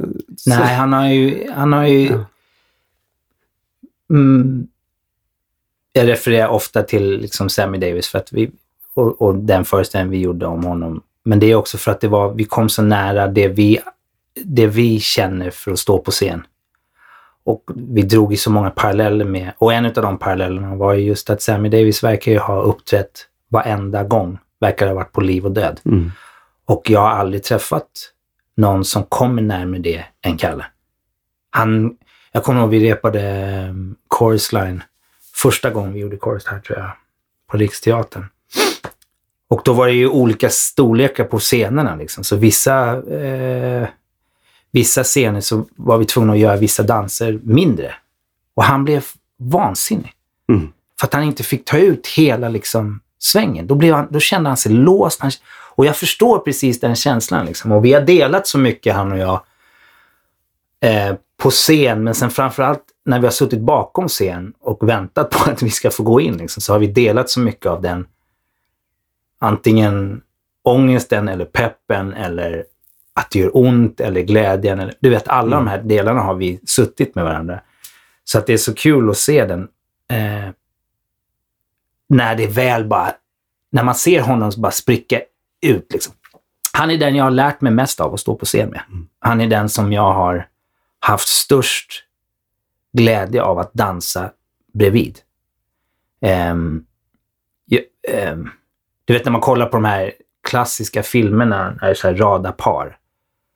Jag är så oerhört tacksam att jag fick ett radarpar och Mm. jag är så ännu gladare att det var just han. Mm. Vi liksom, för vi har egentligen inte, vi har inte så mycket, våra liv är liksom, eh, det, är, det är när vi har jobbat som vi har varit så nära. Och jag kan ringa honom när som helst. Och vi kan plocka upp där vi var, även om vi inte har pratat på länge. Liksom. Mm. Så det är skithäftigt att ha fått det. Ja, Vad grymt. ja det är mycket speciellt. En, en, en, en gång det märktes, förutom Summer with Love som var helt makalöst. Den finns fortfarande på SVT Play, vad gör den inte? Ja, jag tror. Ja, titta på den, ni som inte har gjort det. Men det var ju Singing in the Rain. Ja, det är så, ni var ju så, man tänkte singing in the För jag kommer ihåg första gången jag hörde talas om att de skulle upp, det var när Sissela Kyle fick den förfrågan. Då höll vi på med rea. Och, och av någon anledning så blev det inte då, så det tog flera Nej. år till innan det hände. Och då tänkte man så här, den där filmen var en sån där som man kunde ta fram om man så här, om jag mådde dåligt Ja, så kunde jag titta på den. Så så. blir man glad. Så blir man glad, För det är så här, de är så fantastiska. Och så är de så jävla... Så tänkte jag, vem? Vilka ska axla den manteln? Och så gör ni Och ni gjorde det liksom bara... Fan. Ja, tack. Och du har ju också, jag har alltid tyckt det, du, det är så skönt. Många som tränar mycket så blir så här biffiga och så. Men du har alltid haft den här 40-tals... Ja, men det är den här balettkroppen. Ja, den där liksom Johnny Weissmuller-grejen. eller, eller Gene Kelly. Ja. Inte som de här Nej. Så att det var så perfekt där i liksom... Nej, det var en, eh, det var en sån här produktion. Det var verkligen en once in a lifetime produktion att vara med i. Ehm, Men det var, jag har för mig, jag hörde rykte att du nästan inte fick rollen. oh, nej, gud nej. Nej, jag tror jag sökte fyra gånger. Är det sant? Ja, och till slut, Bosse, stackars Bosse Hermansson, Så han bara... Kom du in då i nya förklädnader? Ja, nej, det. han, du vet, han, för han fick ju ganska mycket påtryckningar tror jag. Ja. av alla runt omkring att det, du måste kolla en gång till. Jag vet att både Roine Söderlund som koreograferade och Janne Radesjö som var kapellmästare sa Fan, är du säker Bosse? För att jag tror nämligen att det här kan vara riktigt bra. Och det är kul att, jag, att, vi, att det blev så till slut och att vi fick visa att det var rätt. Men Bosse såg det inte och han sa till slut, jag är jätteledsen Rennie, jag ser det inte. Och sen så blev det ju som sagt ett avbrott. Eh, där den inte blev av. Av olika anledningar. Och när den sen togs upp igen så var det just Sissela. Det här är rätt roligt alltså. Märkligt hur livet är. Sissela var och kollade på genrepet på Grease-föreställningen som jag gjorde på Göta Lejon då. Och sen ringde hon till Vic och så sa hon, jag tror att du skulle behöva gå och titta på den imorgon på premiären. För att jag tror att det är han som ska göra den. Och det, jag hade ju haft kontakt med Vicky förut, liksom, så att hon visste ju väl, vi kände varandra ganska bra. Så hon kom ju fram till mig på premiärfesten på Grease och så sa hon, du, eh, vi vill att du ska göra Gene Kellys roll i- i Singing in the Rain. Eh, Okej. Okej. Så Grease vart ju liksom en enda lång väntan. Nej, så var det faktiskt inte, men det var ju fantastiskt. Men just det du säger, att försöka axla Gene Kelly och Donald O'Connors roller. ehm, vi hade ju fullständig panik alltså. Och eh, våran dåliga, jag ska tala för mig själv, Kalle får komma hit och prata själv. Men min dåliga, mitt, den här prestationsångesten, allt det sämsta. På tal om att vara otrygg. Eh, jag, jag gick hårt åt mig själv alltså, under den repperioden. Jag hade väldigt svårt med mig själv. Eh, men, och det var mycket tack vare att Kalle och jag delade loge och vi delade varandras eh, känsla och kunde stötta varandra. Och liksom, jag fick en enorm pepp av att jag stod bredvid honom. Eh, ja, så det var mycket som... Och Roine såklart. För det var de som... Det var ju skönt att ni inte drog ner varandra. För det Nej, precis. Ja, nej, det, Det här ja, kommer aldrig exakt. Nej, vi Nej, det här peppade. kommer aldrig gå. Ja, Ja. nej, vi, vi, vi, vi, vi, vi stod på varandras sida och liksom lyfte upp. Jag har sagt det förut i någon intervju, det var så fruktansvärt roligt. Vi ställde oss upp och skulle gå ut in, inför hans stora Make 'em Laugh-nummer. Och han haltar liksom framför mig. Han har så jävla ont. Så sa jag, fan Kalle, du kan ju inte gå som jag känner mig. För jag mådde skitdåligt och jag hade, allt var bara fel, både privat och jobbmässigt. Det var bara kaos liksom. Och sen så två minuter senare, du vet, så flyger han genom luften och hoppar av väggarna. Och, ja, det var så en surrealistisk känsla och så samtidigt, det var, så, det var så häftigt att få känna den grejen.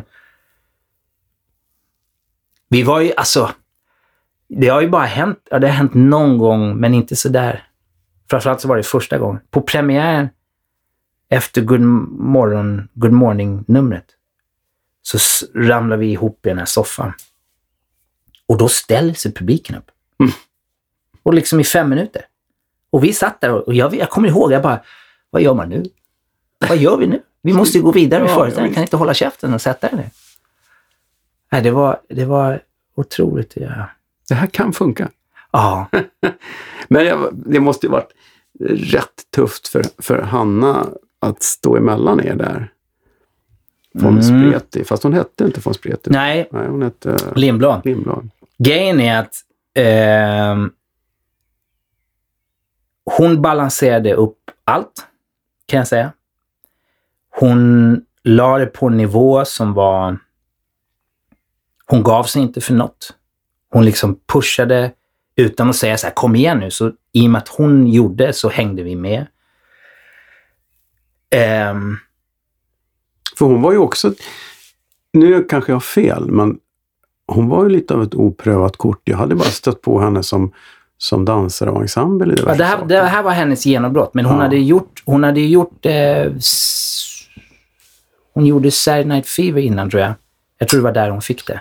Det gjorde hon ja, just, Ja. det, just det. Och För att jag tror att jag gjorde så här Markoolio. ja, just det. Exakt. Hon gjorde ju massa sådana gig. Hon är ju enastående i sig liksom. Mm. Och eh, det var otroligt häftigt att få... För hon fick ju sånt otroligt genombrott. Mm. Och det var kul att få vara hennes kavaljer genom Mm. det. Det kändes, eh, det kändes stort liksom. Eh, Det var tufft för henne då att komma in. Ni är ett radarpar, ni känner varandra som fasiken. Ja. Ni vet allting och ni stöttar varandra. Och så kommer hon in och ska vara liksom tredje hjulet här. Ja. Liksom. Oj, hur ska det här gå liksom? Och ändå ja, nej, kan hon inte lätt. det. Alltså, Nej, vem, det vem kan ska hon inte luta sig mot? Det är ju tufft. Men vi tog ju hand om henne också. Ja. Men det var liksom, nej hon är, men hon är ju enorm. Hon är ju otrolig. Hennes kraft på scen. Vi gjorde ju, eh, för några år sedan så gjorde vi den här Flashdance och den föreställningen, ehm, den var på grund av henne. Mm. Helt. Alltså, det är den enda anledningen att det överhuvudtaget blev någonting. Tycker jag. Ehm, så eh, hennes driv och hennes liksom framåtanda och hennes liksom jävla anamma när, när det var knepigt och jobbigt och liksom inte världens bästa musikal med svårt manus och liksom inte... Men hon bara som ett ångvält du, och vi andra vi hängde på. Det var bara att åka med. Och det, den kraften, den är, den är ball liksom att vara med om och den hade hon redan då. Hon var ju Ja, men hon har också sån här manisk vilja ju. Ja, hon väldigt så här... Hon är inte rädd för att jobba. Mm. Liksom. Och det är ju fantastiskt. Det är ibland så när vi har jobbat, vi har ju jobbat mycket sen dess, så är det så här, Hanna, du måste ta det lugnt, jag orkar inte. Hon är så ung. Ja. Nej, det är skitkul. Jättekul är det. Så det var ju, du vet, en sån här lyckoträff. Det var en, lyckoträff. Det var en sån här riktig lyckoträff. Ja, verkligen. Den var helt... eh, Men är den... Spelades den in på något sätt? Nej. Vi har någon sån här inspelning som vi alla fick när vi slutade. Jo, men någon sa, men det gjordes aldrig någon överföring. I och för sig så kanske det, de flesta tv-överföringar brukar bli ganska... Ja, så, det, det var ju ja. inte helt lätt med rättigheter kan jag tänka mig just när det gäller den fil- filmen heller. Men, men, eh, men eh, ja, Ja, den var, jag kommer ihåg, den var riktigt, vad roligt. riktigt härlig. Jag, en rolig historia om det där med sing, alltså jag har ju, det, singingperioden, den var ju dessutom utspridd över fyra år liksom. 450 föreställningar. så hände, länge? Ja. Så det hände så mycket under de åren. På tal om att bli familj liksom. Mm. Det är ju flera barn som blev till, alltså par som blev till och barn som blev till och skilsmässor och giftermål och du vet, det var allting under den här perioden. Det var fantastiskt att se. Men en av de här kvar, alltså, ja, vi hade köpt en bil och på den tiden hade inte jag körkort. Eh, för att vi hade min son då som var liten och så. Jag vet inte varför vi skulle ha bil, men vi skulle ha bil i alla fall. Ni bor i stan, du har i körkort, men ni ska ha bil. Vi ska ha bil. och det började med så här övningskörde, parkera och så någon kväll så var det liksom jäklar, det är städgata. Och så sa jag, men ge mig nycklarna så går jag och flyttar. Det är lugnt. Liksom. Så flyttade jag bilen. Och sen så blev det, fan jag tar bilen när jag ska åka och handla, storhandla. Jag tar bilen. Till slut så körde jag. Inte mycket, men liksom. Och sen så, eh, så kör jag på Sankt Eriksgatan. och så är det eh, trafikkontroll på Sankt Eriksbron. Och jag bara, Trist. Jaha, det var det liksom. Så jag svänger in och så kommer en kvinnlig polis och så rullar jag ner rutan. Och så säger nämen, ser man på Mr Singing in the Rain. Och jag bara, hej. Och så gick hon runt bilen och kollade lamporna. Så sa han, kör försiktigt, ha det bra. Sen körde inte jag någon mer. Vad är det de Hon säger? Barn och idioter har tur. Du vet, så det var, sen ställde jag bilen. Sen, sen tog det några år, så tog jag körkort Är det preskriberat? Får man prata om sånt där? Ja, det måste Ja, jag vet inte. Jag säger inte vilket år. Det har blivit dags för Skämskudden. Herregud vad pinsamt. Skämskudden. Nej, inte den där gamla demon. Har du någon skämskudde? Jag har så många. ja, men det är ro, jag har verkligen många här grejer som är så här, åh gud. Men det här med inspelningar, jag har ju aldrig varit eh, en inspelad, alltså skivartist så att säga. Jag har ju inte... Och jag har dessutom haft otroligt svårt, jag har fortfarande, inte lika mycket längre, Eh, det, det är mycket bättre nu. Men jag har otroligt svårt att höra min röst. Jag tycker det är skitjobbigt för jag tycker det låter inte som jag känner. Å- Återigen, det är inte vad jag känner som... Så jag tycker det går, ja, det här går inte.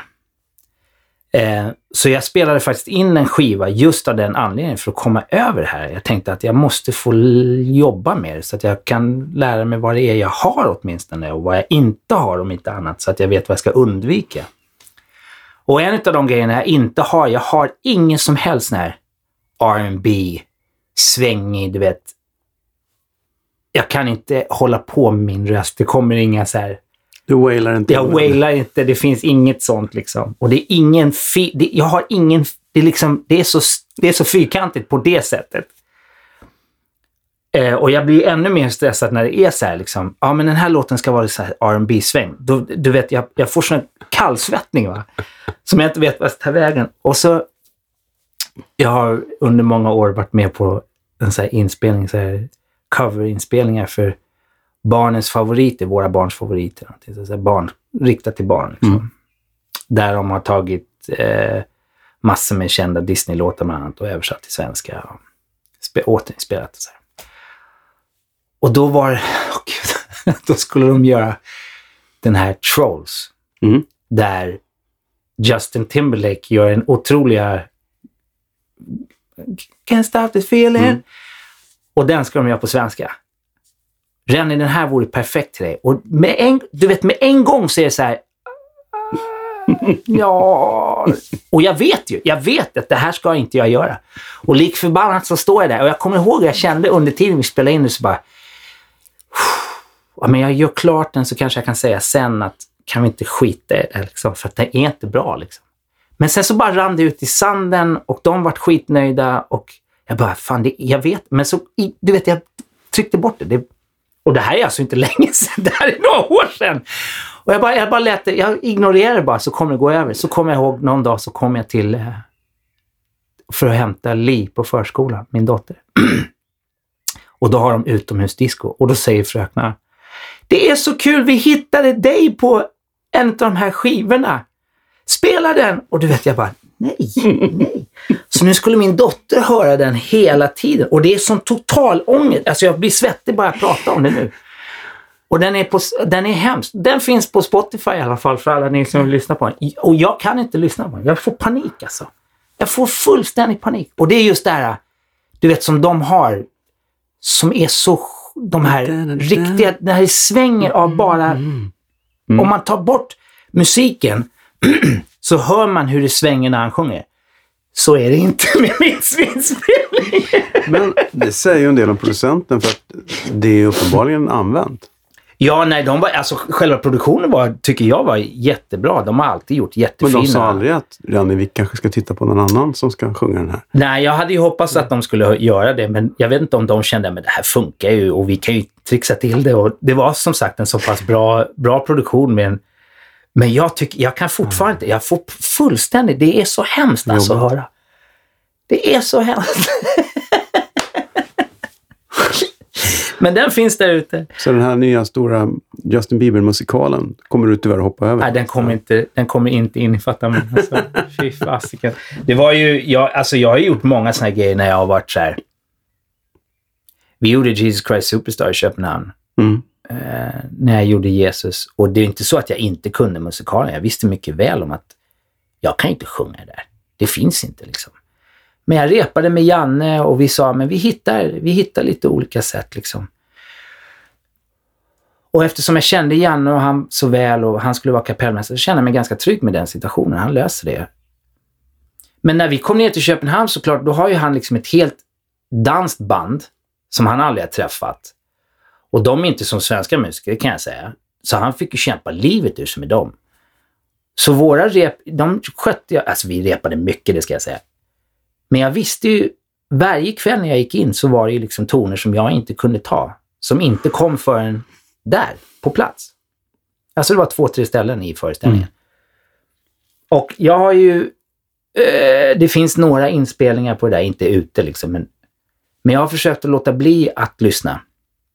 För jag orkar inte med den besvikelsen jag skulle känna. För att för mig så var den föreställningen allt. Liksom. Jag, det var min första sångroll. Mm. Och jag vet att det lät inte som det skulle.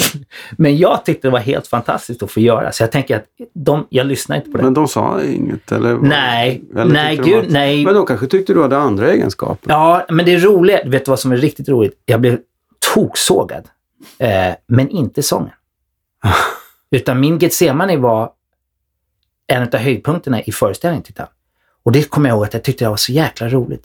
Men jag som, som skådis, det var, jag var, han liknade mig med en...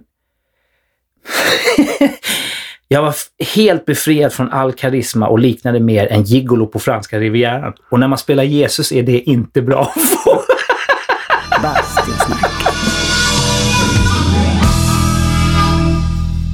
Nu har vi hela Europa varit stängt och man kan inte göra någonting.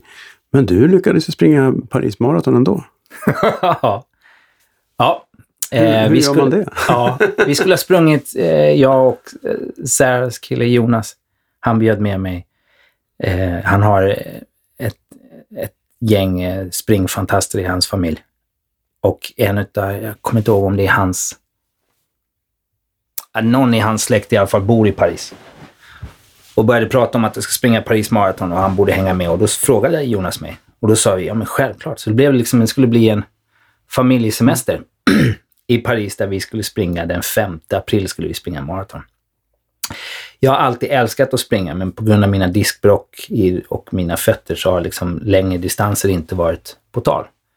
Men det är en sån här bucket list-grej som jag har haft. Och jag tror att jag började närma mig 50, fick eld i baken också, blev någon slags, du vet, ska bevisa att det går. om inte annat för mig själv. Så jag började träna i eh, slutet på oktober förra året.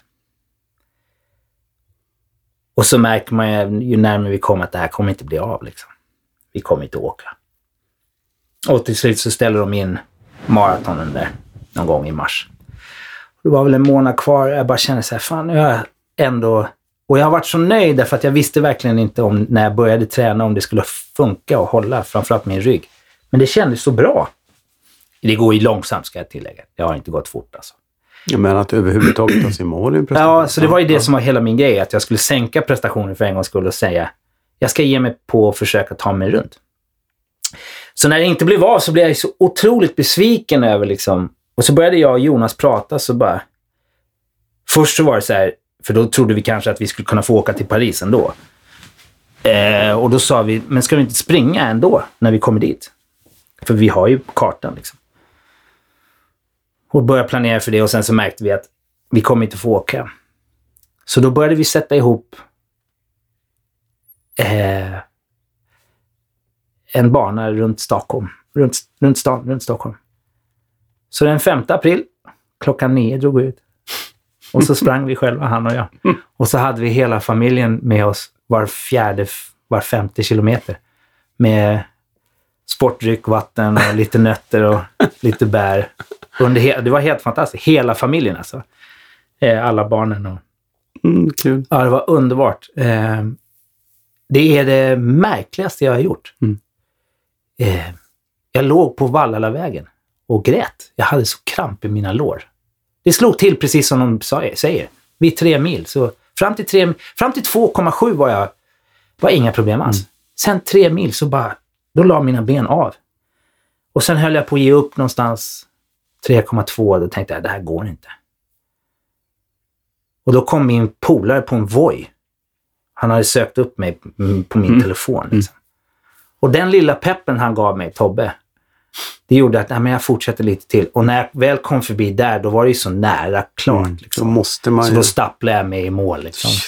Men det tog ju fem jävla timmar. Jo, jo. Hur många dagar tog det innan du var dig själv igen? Nej, men det gick ganska, gick ganska bra. Det enda som tog ja, över en vecka, tio dagar, var att jag tappade känseln i mina mm, tårna. Inte alla, men de flesta. Det tog, alla, men de flesta. Men det tog typ tio dagar innan den känslan var helt tillbaka. shit. Wow. Ja, ja.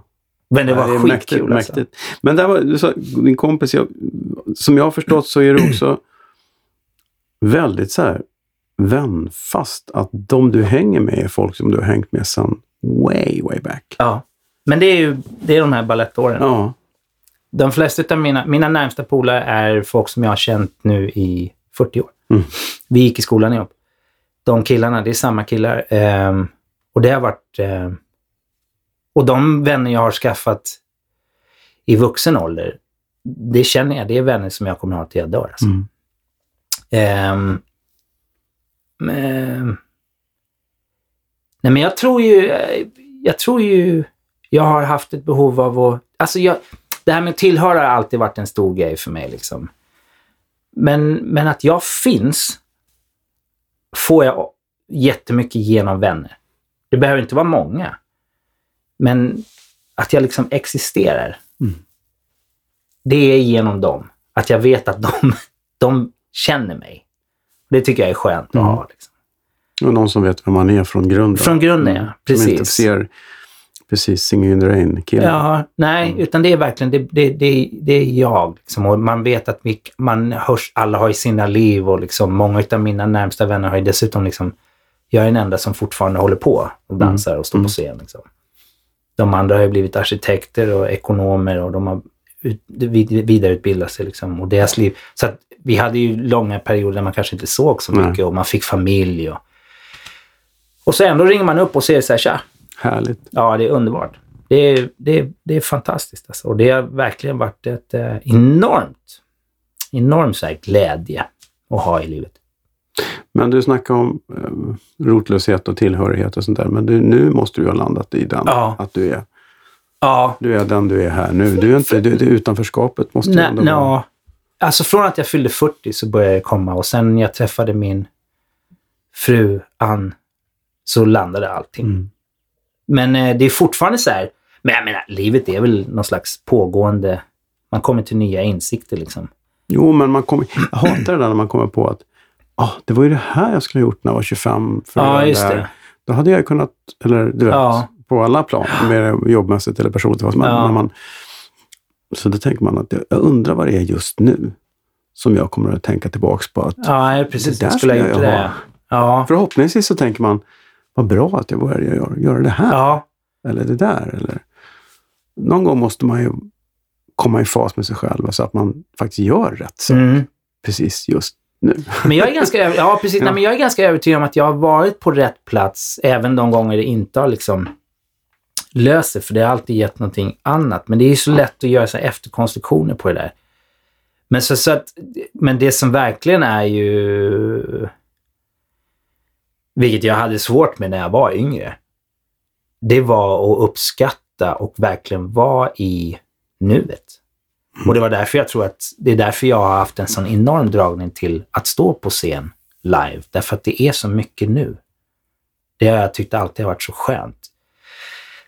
Jag menar, de flesta som, som jobbar inom det jag jobbar med så pratar man alltid om fördomen är att man liksom är så bekräftelse, man har ett sånt bekräftelsebehov. Och det är klart att den bekräftelsen jag har fått på scenen har varit fantastisk och man, den söker jag ju givetvis. Men drivet har varit den här nu-känslan som jag fick jättetidigt. Den fick jag supertidigt. Jag kommer ihåg det så väl liksom, från Riddarfjärdsskolan. När jag gick in på scen och bara slogs av att fan, det nu händer det.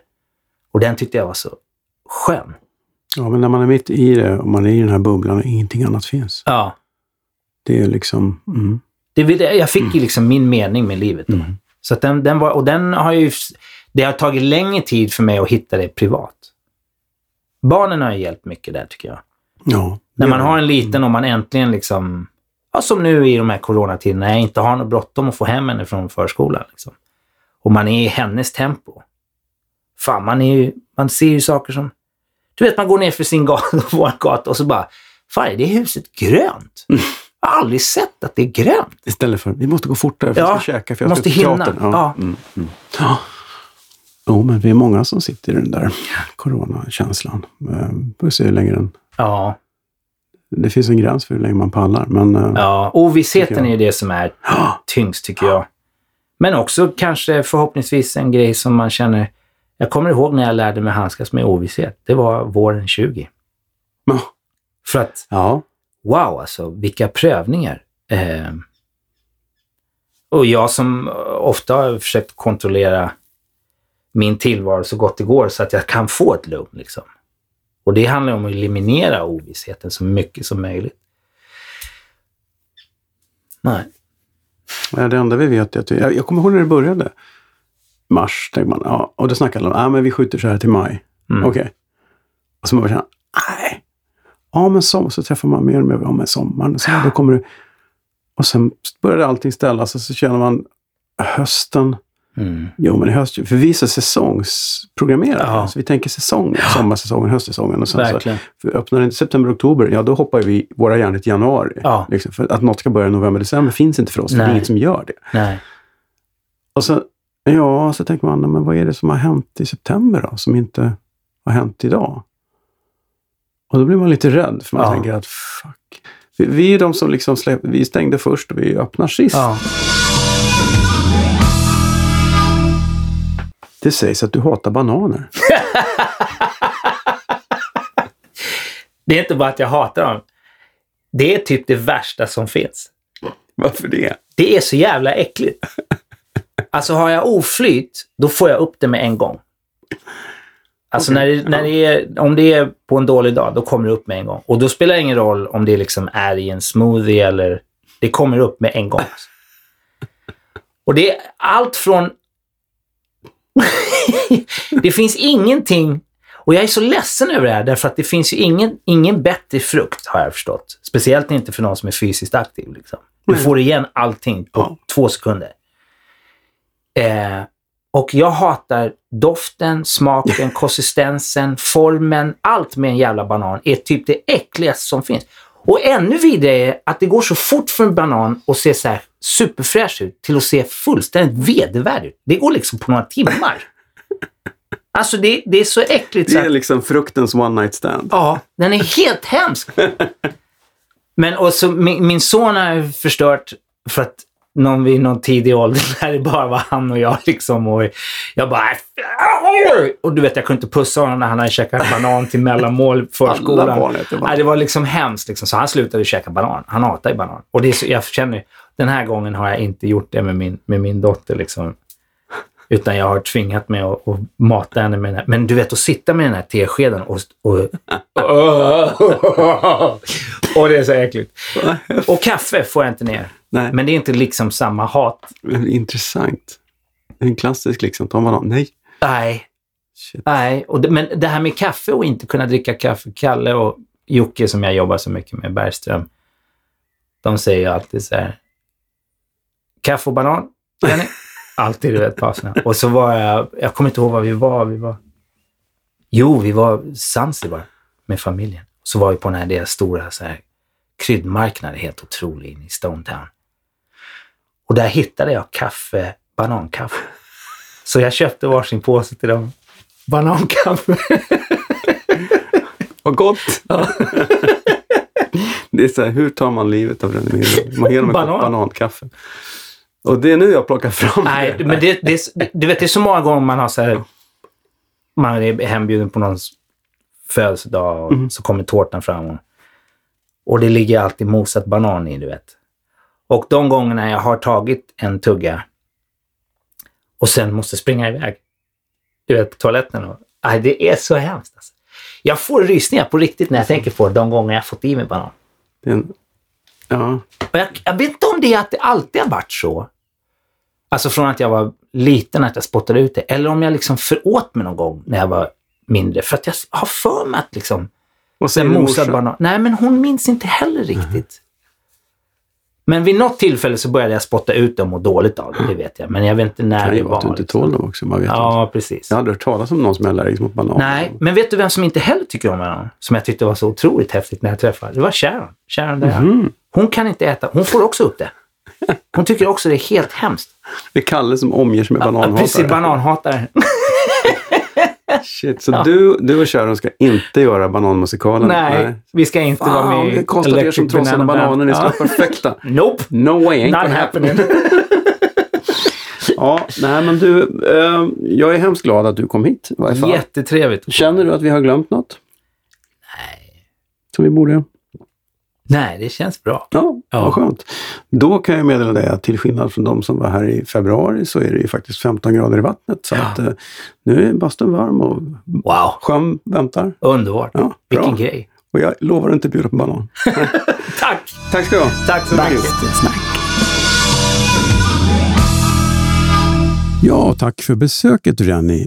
Jag hoppas att jag inte har raderat eh, fler poddavsnitt. Det var ju ytterst pinsamt, men jag tror aldrig mer jag kommer att göra det. Det var kul att ha dig här och eh, vi får se. Det kanske dyker upp ett nytt avsnitt av Bastusnack eh, förr eller senare när man minst anar det. Till dess, basta försiktigt.